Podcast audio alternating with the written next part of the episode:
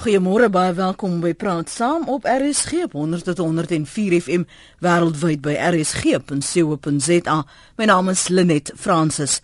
En elke week soggend in die omgewing van so 5 minute oor 8 tot so knap voor 9 kan jy praat uh, saam praat oor nuus en aktuelle sake wat ons as landburgers uh, hier in Suid-Afrika raak.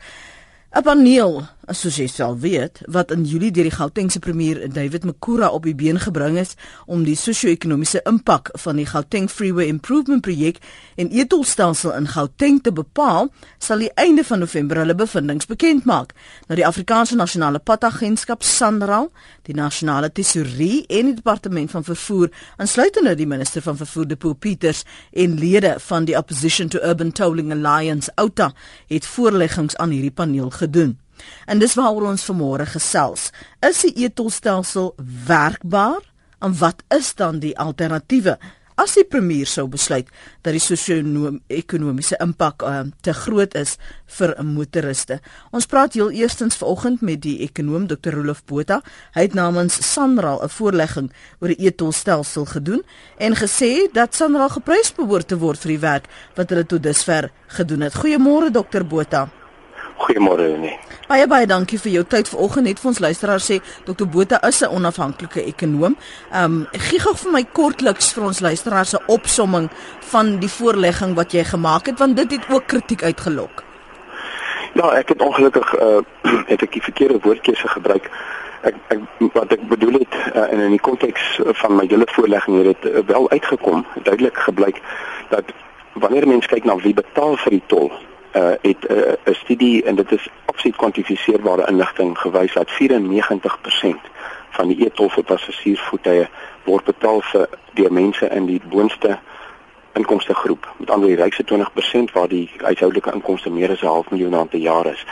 En terwyl die die onderste groep, die wat ehm um, in die in die die, die armste 20% van die bevolking uh wat per definisie 'n bittermin van hulle karre besit uh, en op openbare vervoer aangewese is, dat uh, openbare vervoer is vrygestel en daar maar daar is ongelukkige groepe in ons in ons samelewing veral in die vakbondwese wat nou probeer om politieke opportunisme hier in die dag te lê uh, en nou voor te gee dat hulle namens hierdie mense praat. Maar die mense kry die voordele van die verbeterde paaie maar hulle betaal nie daarvoor nie. En toe het ek die aanmerking gemaak dat hoekom neem jy dan aan die debat deel?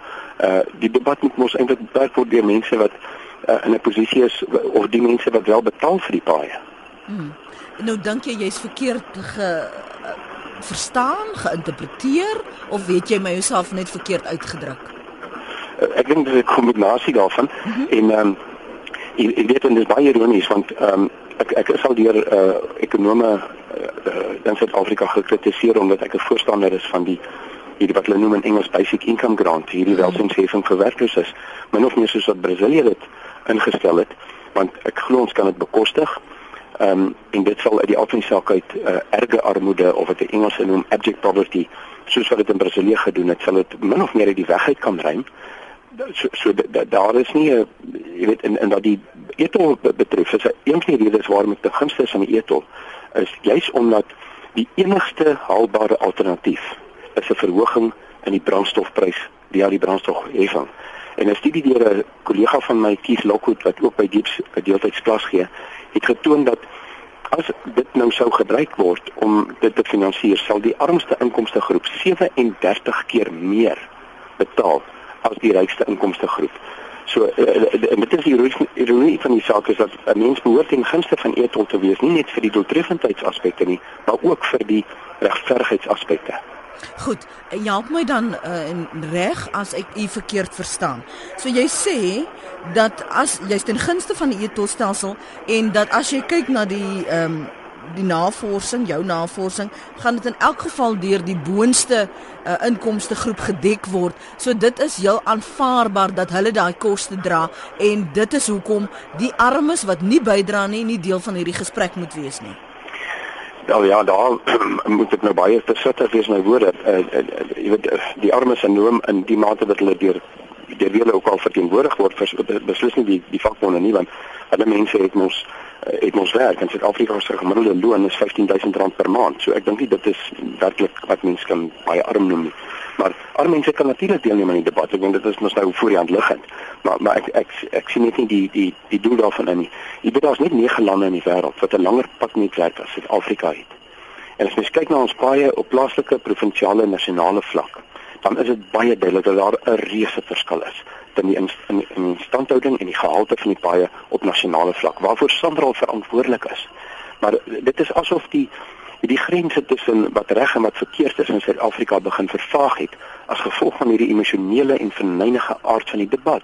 As 'n mens net wil gaan stil sit en dink aan wat het dit hoe lank het dit my geneem om van punt A tot punt B te kom in opgouting se hoofwee en hoe lank neem dit my vandag gemiddeld? Dan sal mens agterkom ek spaar baie baie tyd en daardie tyd is baie werd. En dit was die kern van my navorsing is om te gaan kyk wat is die voordeel van 'n onafhanklike padgebruiker wat 'n voertuig gebruik, 'n ligte voertuig. Mm -hmm.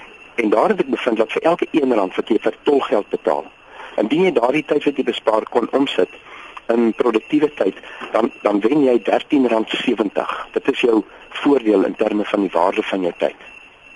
Goed. Baie van ons het nie die voorlegging gesien nie.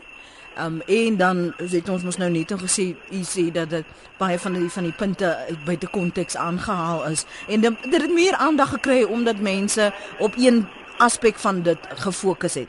Geef vir my jou opsomming van waarom jy 'n voorstander is dan van die e-tolstelsel sodat ons luisteraars kan begine saampraat as ons veral praat oor of dit werkbaar is en watter moontlike alternatiewe daar bestaan. Baie dankie vir die geleentheid. Kyk, in eerste plek moet ons onthou daar is min of meer 1000 nuwe voertuie op Gauteng se paaie elke dag van die kalenderjaar. Ek dink mense moet dit plat insink. 1000 nuwe voertuie elke dag van die kalenderjaar. Daar sal teen môre hierdie tyd nog 1000 voertuie nuwe op Gauteng se paaie wees. So waarna sal ons nou kyk? En waarna hulle moet kyk?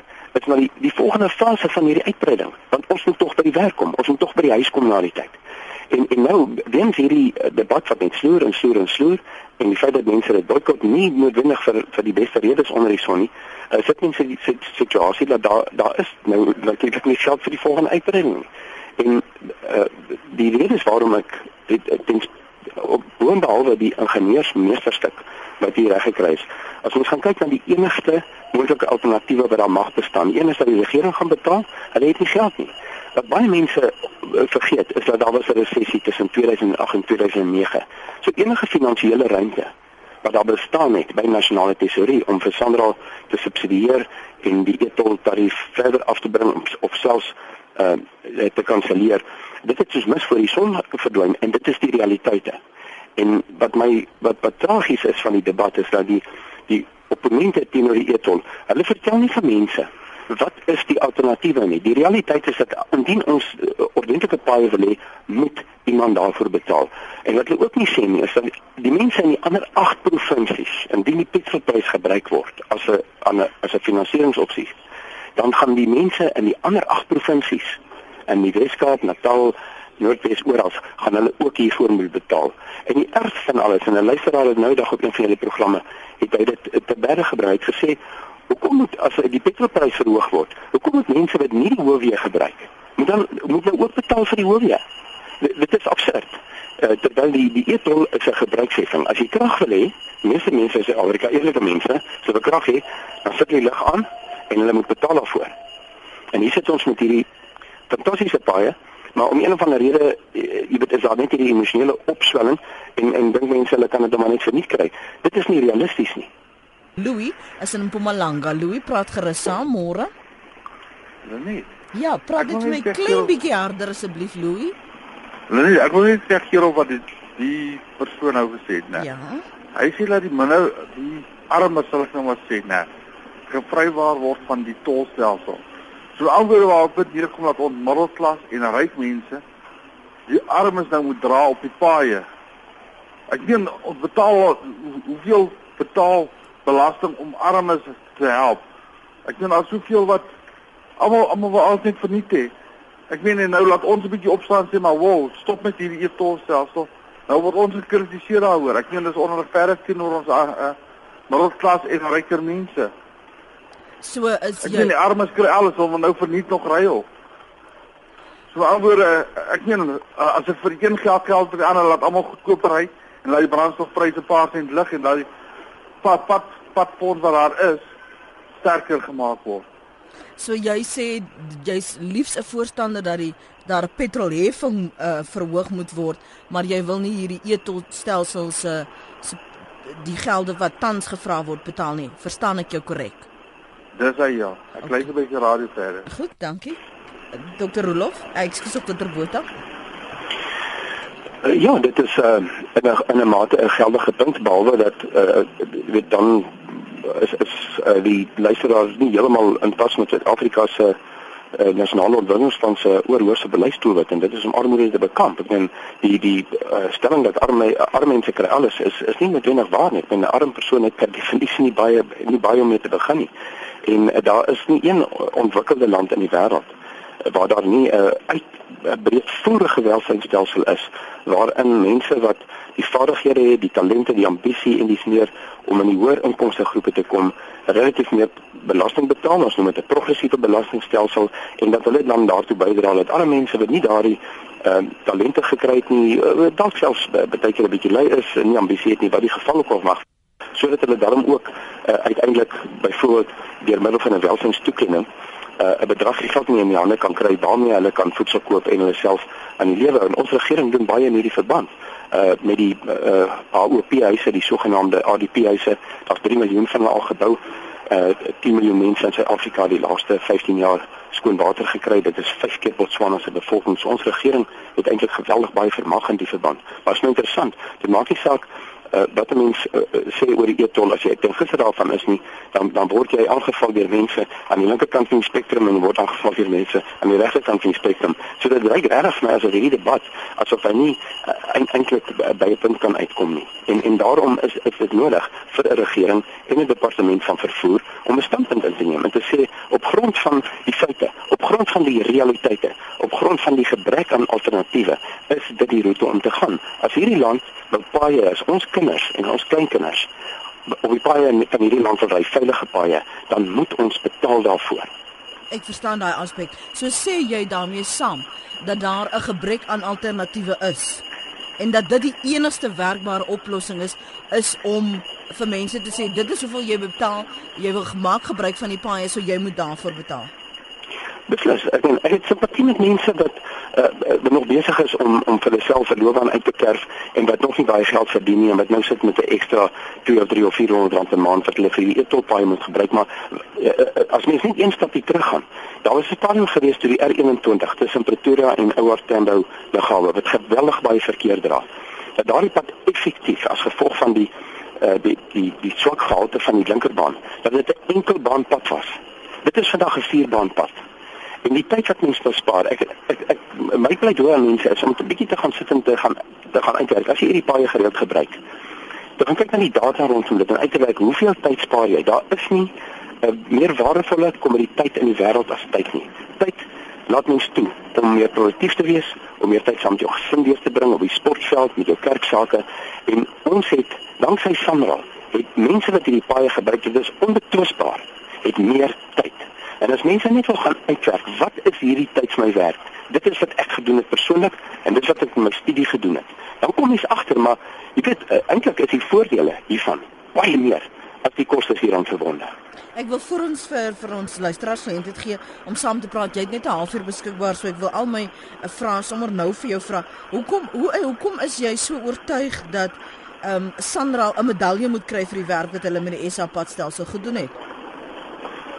Jy weet net in in die huidige Suid-Afrika met die uh, munisipaliteite waarvan daar so 'n uh, uh, baie groot aantal is wat uh, dan funksioneel is. As mens kyk na die ouditeur-generaal se verslag, ons kyk wat in die poskantoor gebeur. Daar is uh, baie staatsinstellings ehm um, ek gaan nou nie al die name opneem nie uh, van SAL af en dis meer waar daar 'n groot mate van uh, daar daar swak bestuur as ondoeltreffendheid. En hier sit ons in Suid-Afrika ironies nogal met 'n agentskap by die nasionale departement van vervoer wat wel sy mandaat uitvoer het 11 agtereenvolgende jare 'n skoon audit gekry. En hulle probeer hulle bes om ons nasionale paaie in stand te hou en uit te bou vir 'n groeiende bevolking.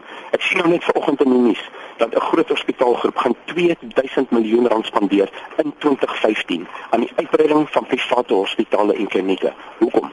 omdat die openbare geriewe besig is om in baie te stort. Hier sit ons met een staatsinstelling wat wel uitstekende werk lewer wat vir ons baie mooi paaie bou, brug brug gebou het en dis meer, wat dit ons makliker maak om te beweeg.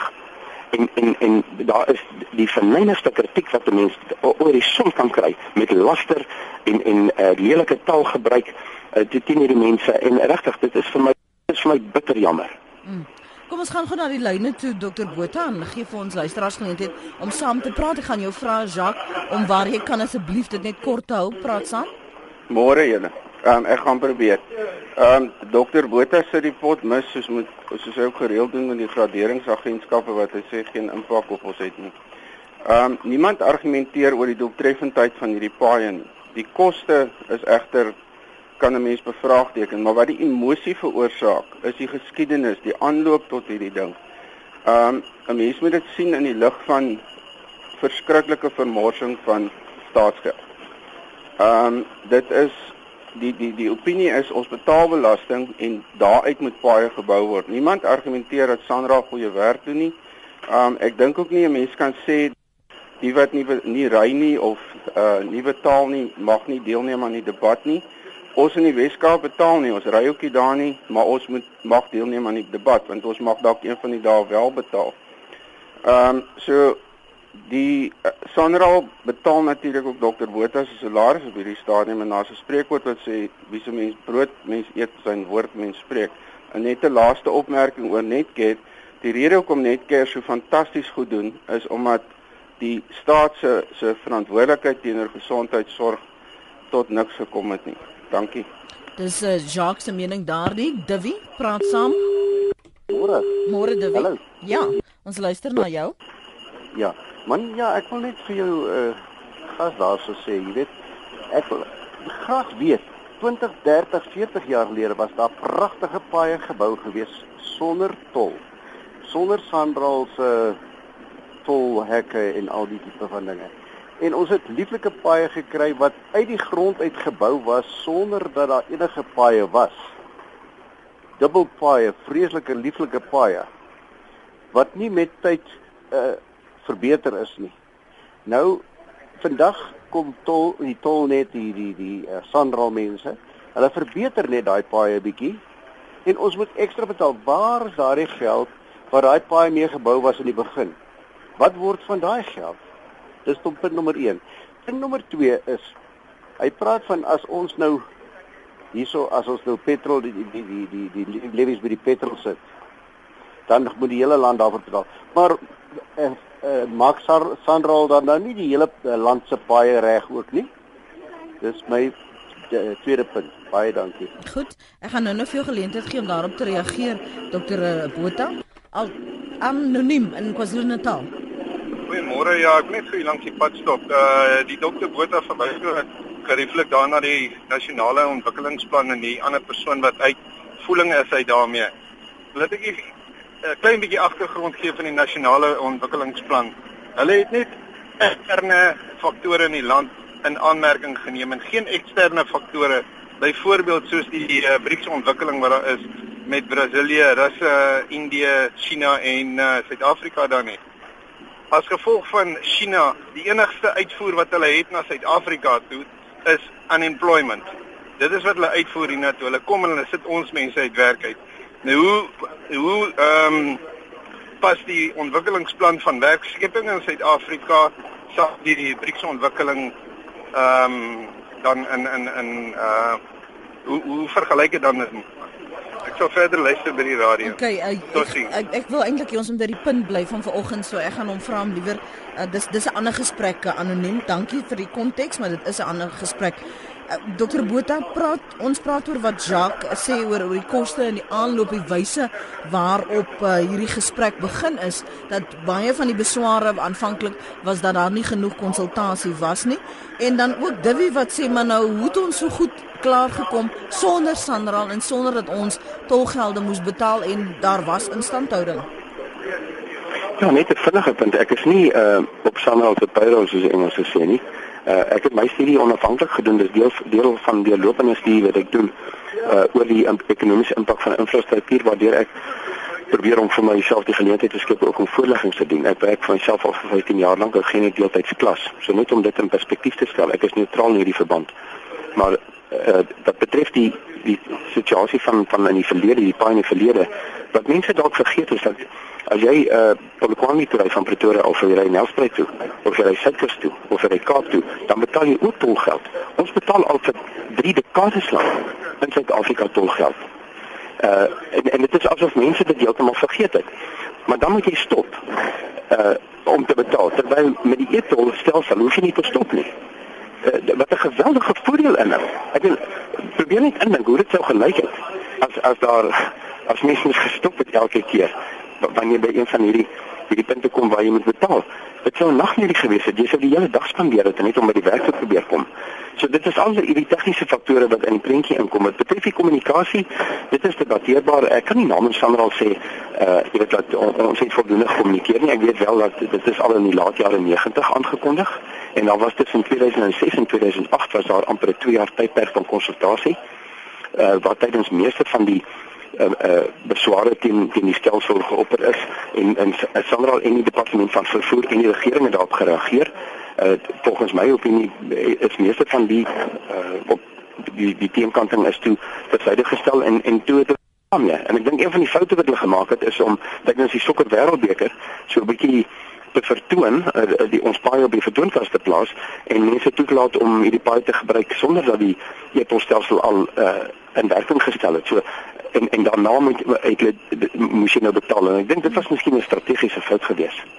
David Makura se se raamwerk vir hierdie paneel was om onder meer te kyk na die sosio-ekonomiese impak wat dit uh het op Gautengse motoriste.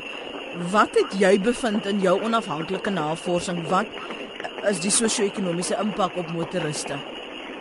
Wel, my navorsing saam met die navorsing wat deur 'n hele paar ander ekonome gedoen is by Gibbs en ook by die Universiteit van Kaapstad, uh het, het getoon dat as mens net teruggaan na die die die tol die tolgeld versus die die petrolprysverhoging, die inflasionêre uh, effek van 'n petrolprysverhoging in plaas van 'n tolgeld. En dis die enigste twee maniere wat ons op die oomblik het, want die regering volgens my neem net kort 44 miljard rand om hulle boeke te balanseer. So daar is nie geld in die nasionale staatskas beskikbaar nie. En indien nou mense petrolpryse verhoog, dan sal dit 'n baie groter inflasionêre uitwerking hê veral op die arme mense. Uh maar die belangrikste aspek wat uit my studie uitgekom het is dat as mens die gemiddelde uh salaris of loon of inkomste per uur uitwerk van die mense wat wel die tolgeld betaal vir passasiersvoertuie en jy jy plaas dit teenoor die koste van die tolgeld, is daar amper 'n 14 rand voordeel, netto voordeel vir elke rand wat jy betaal. So die die voordeel is baie baie hoër as die kostes. Maar mense moet dit vir hulself gaan uitwerk en ek dink dan sal daar van hierdie teenkanting sal begin verdwyn. Wat ons ook moet onthou is dat daar is baie mense wat keelvol is vir uh, daaglikse berigte van swak staatsbestuur, swak publieke administrasie, staatsdepartemente, plaaslike owerhede. En dit is asof daar nou so kollektief hierdie ehm uh, mens kan dit sê maar openbare mening het nou van net te sê ons gaan nou hierop fokus. Ons ons gaan nou vir die regering wys, jy weet ons hou nie van dit en dat en dit wat julle doen nie, maar ons dit is moeilik om daarop te reageer, maar ons gaan nou hier is so maklik. Ek gaan nie my tolgeld betaal nie. En en, en ek dink baie mense doen dit vir die verkeerde redes. Goed, so verstaan ek jou korrek dat jy sê die petrolprys moet verhoog word, daardie petrolheffing, dit is die antwoord. Nee, nee, die tolgeld moet bly net waar hy is. So jy sê die goedkoop as mens die petrolprys sou verhoog, dan sal die inflasionêre effek baie groter wees en die impak op die armes sal baie baie groter wees. Goed, so so dit ek wil net seker maak jy dat dat ek jou verstaan. Dan net iets anders. Ehm um, gegeewe die die reaksie en jy verwys self daarna as die teenkanting. Waarom dink jy waar waar vandaan kom hierdie teenkanting nie? Al die motoriste het sekerlik nou nie politieke agendas nie.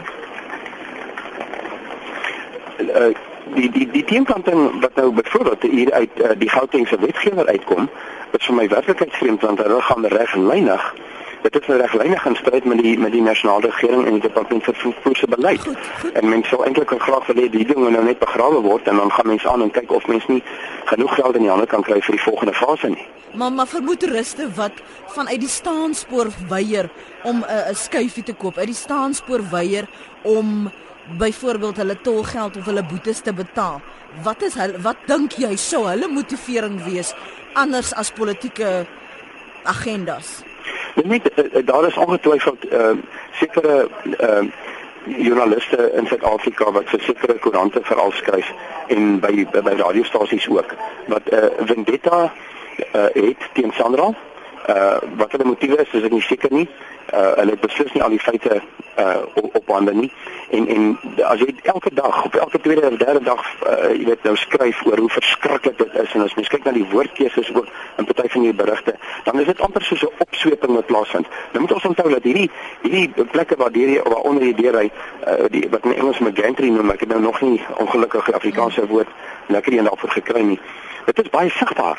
Uh, dit is geweldig sigbaar veral in die aand en terwyl die petrolprysverhoging en en en die dit as alternatief gebruik word dit is 'n weggesteekte uh, heffing belasting. Want die petrolprys gaan ons op en af afhangende van die wisselkoers en die olieprys so dit sou dit sou seker makliker wees maar die die nadelige uitwerking op die ekonomie en op arme mense van 'n petrolprysverhoging dit is geweldig. En ek is baie verbaas dat die Gautengse wetgewer nie hulle eie navorsing laat doen het deur gesaghebende ekonome wat weet waarvan hulle praat om dem, om dit aan hulle te bevestig voordat hulle reglynig teen die nasionale van vervoer ingegaan het.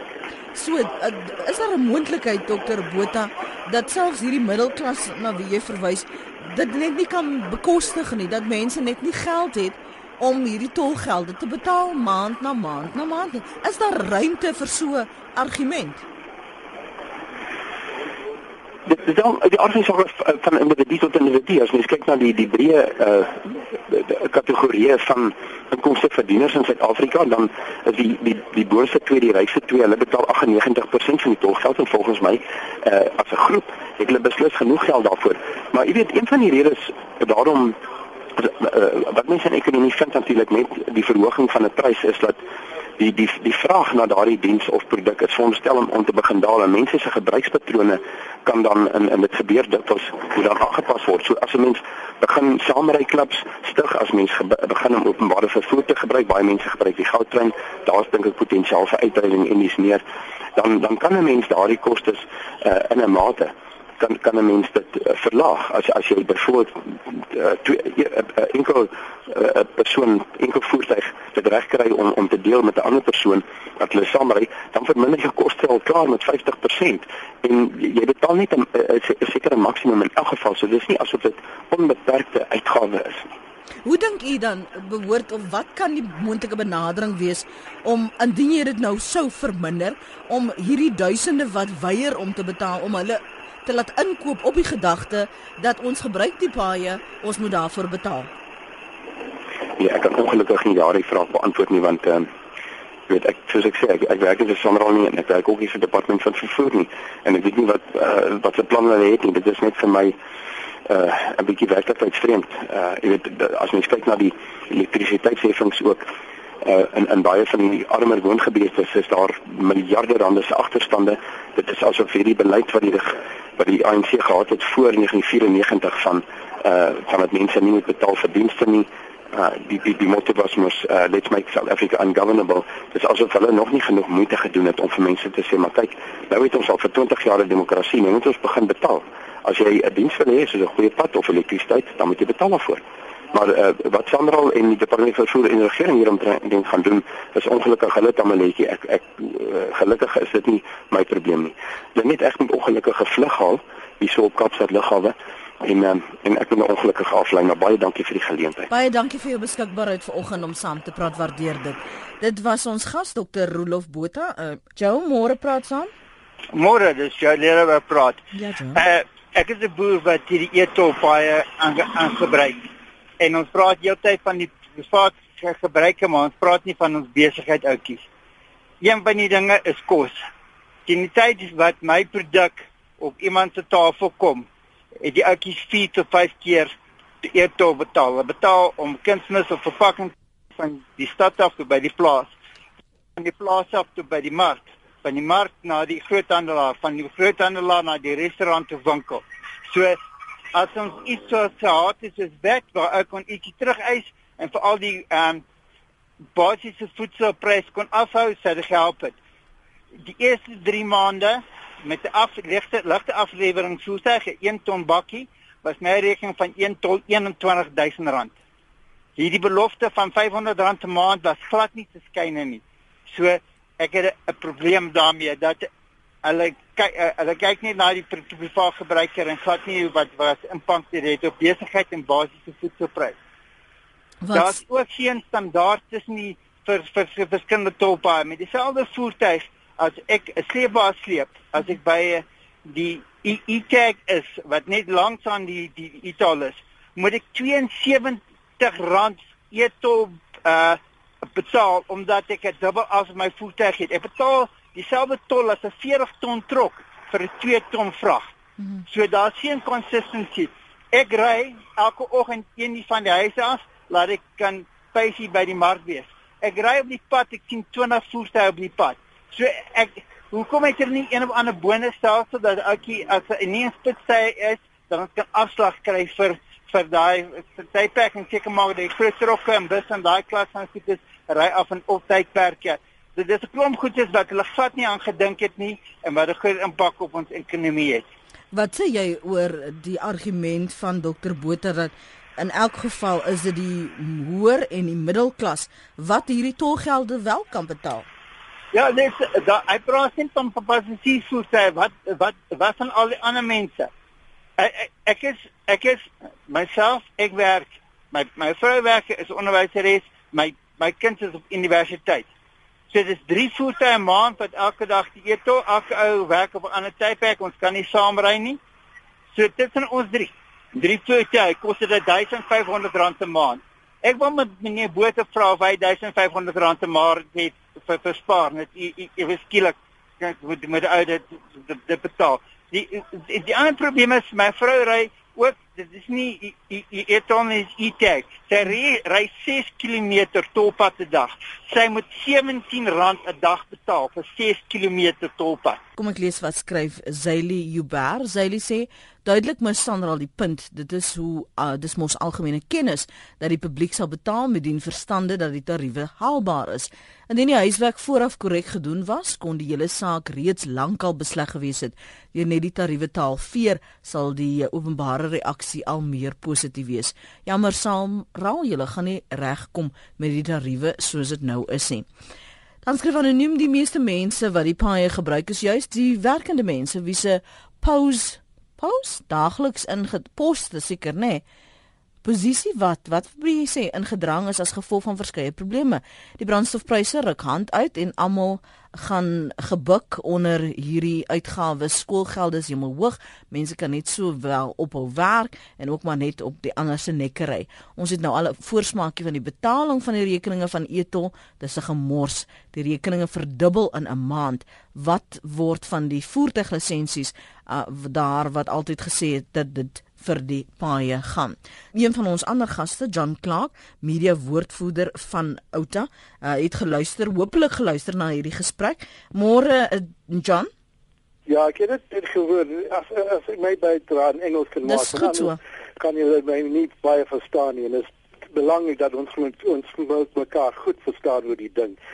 Um, I find it useful, and it, just by the way, as a background, I am a social worker first and foremost. Now, I know uh, Rudolph talks about this being a pro-poor policy.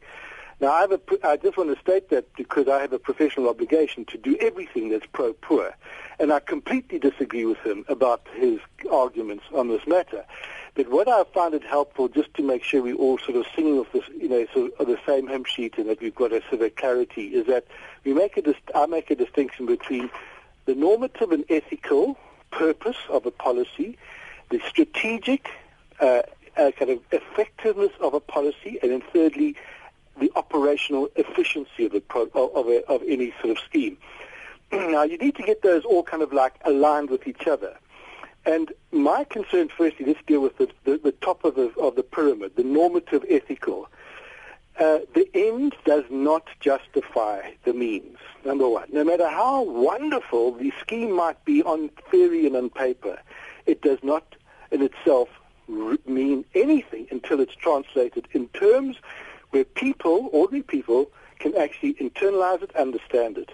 And I, I know Rudolph has apologized for saying the poor should shut up, but that he, it, it, it's really I, and I'm not going to take him too much to task on that one because he's uh, he's agreed to come and meet with some of my clients and people from the townships, from that category of people that he considers to be, you know, shouldn't shouldn't be participating in the debate. We'll let that process happen as a kind of a truth and reconciliation thing. What he, what I also find st- astonishing as ruler from the score is that he then says that there's too much emotion that's been injected into the debate. On OUTA's website, we have our submission to the Makura panel. Now, I would challenge anybody out there to engage the intellect and read what we've said. I went with an open mind, with an interest of seeking what's in the best interest of the poor, and we defined eight international benchmark success factors for uh, intelligent transport systems, e-tolling systems such as we have in, uh, now in Gauteng. And I tried hard to find at least one or two that, that the SANRAL scheme scored on. I could not, in all honesty, find a single one out of the eight. In that document, we interrogate uh, Rudolph's uh, uh, uh, economic modeling and his claim about, uh, that said he was talking about 8 Rand 60. I think he's now saying 13 Rand. 13 Rand 70. Now, we invited him and others to come back to us and say, come. Now, for Rudolph then accuses us of injecting uh, emotion into the debate, and he tells people to shut up. So there's a major internal contradiction there, and I think that I would want to talk with uh, with Rudolph and say, just clarify this thing because he's actually dan has this whole cause more harm than good. Can, can I can I just interrupt you there want ek wil net by seker want die punt die tyd is besig om ons intaal en ek wil 'n paar goed wat hy genoem het net gou met jou uitklaar. Hy sê sy redenasie is dat as jy die dienste van die paai wil gebruik, moet jy daarvoor betaal. En ek vra, is daar alternatiewe? Wat stel julle voor? Hoe kan ons andersins geld inkry om die paai te verbeter as om tolgelde te hoef te betaal?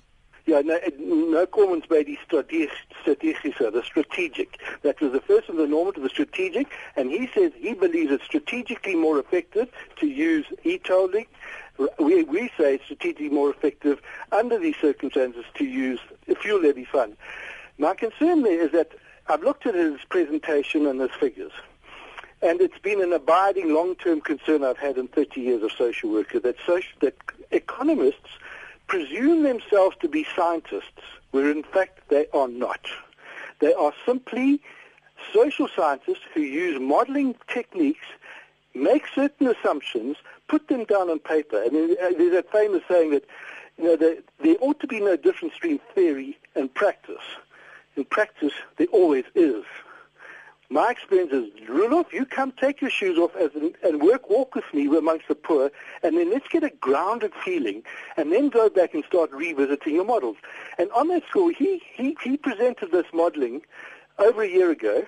We've had a year for us to now see whether the facts actually match the hypothesis. He hasn't done that research.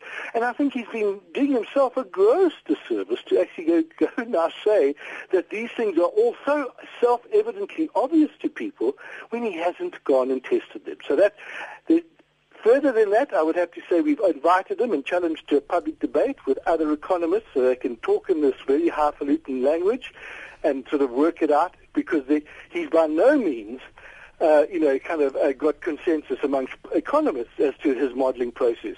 Thirdly, the points made by many of your, your callers, the operational efficiency. If a system doesn't work, no matter how strategically kind of clever it is, or even ethically kind of uh, justifiable it is, it's not working. Now, in that sense, we're saying it's not working, and no amount of resort to legal recourse and, and propaganda and all this is going to make get this thing to fly. It's not working.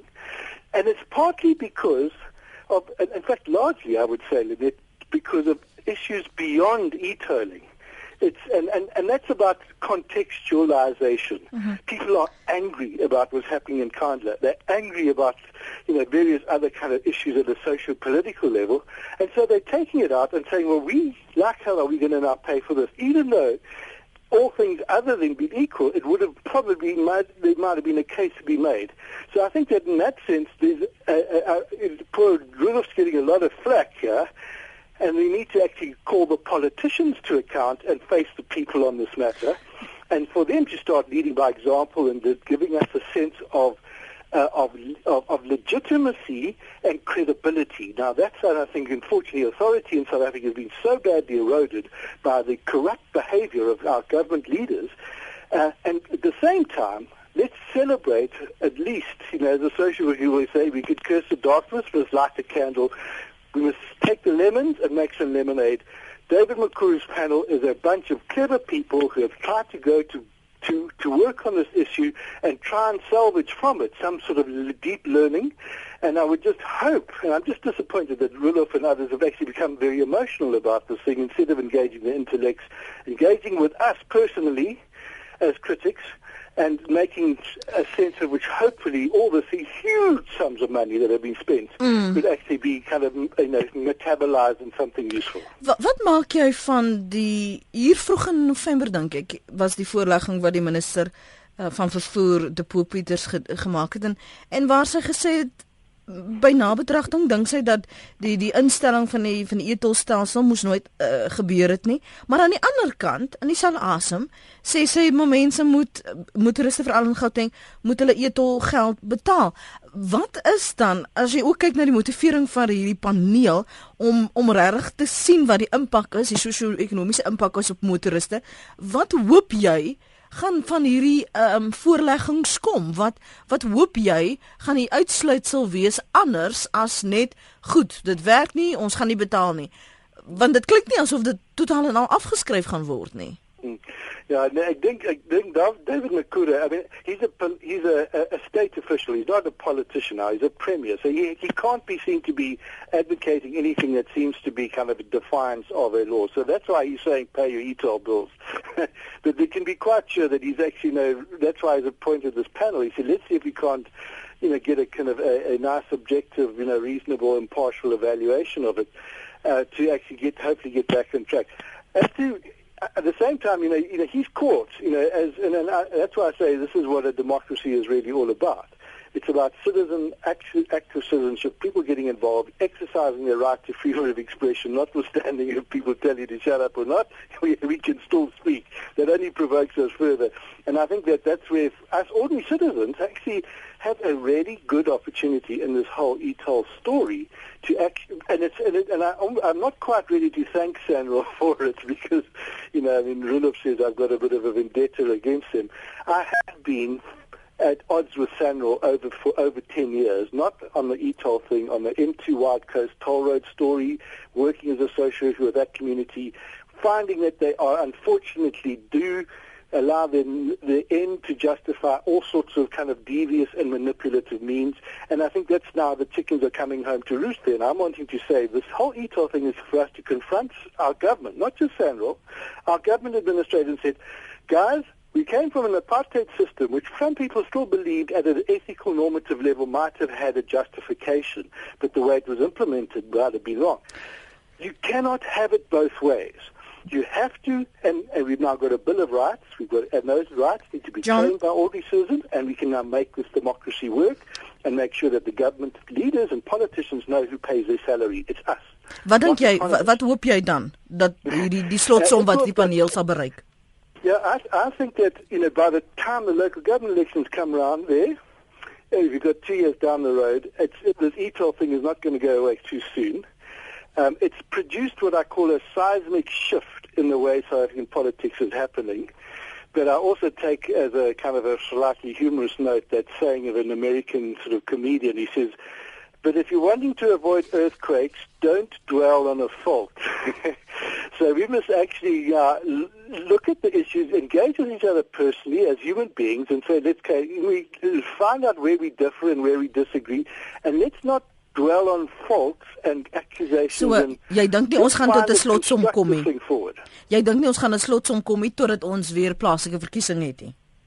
Uh, uh, sorry, so jy So jy dink jy ons gaan tot 'n slotsom kom totdat alvorens ons nie 'n plaaslike verkiesing het nie. I, I think so, yeah. Okay. Because I see the problem is that there is revenue coming in.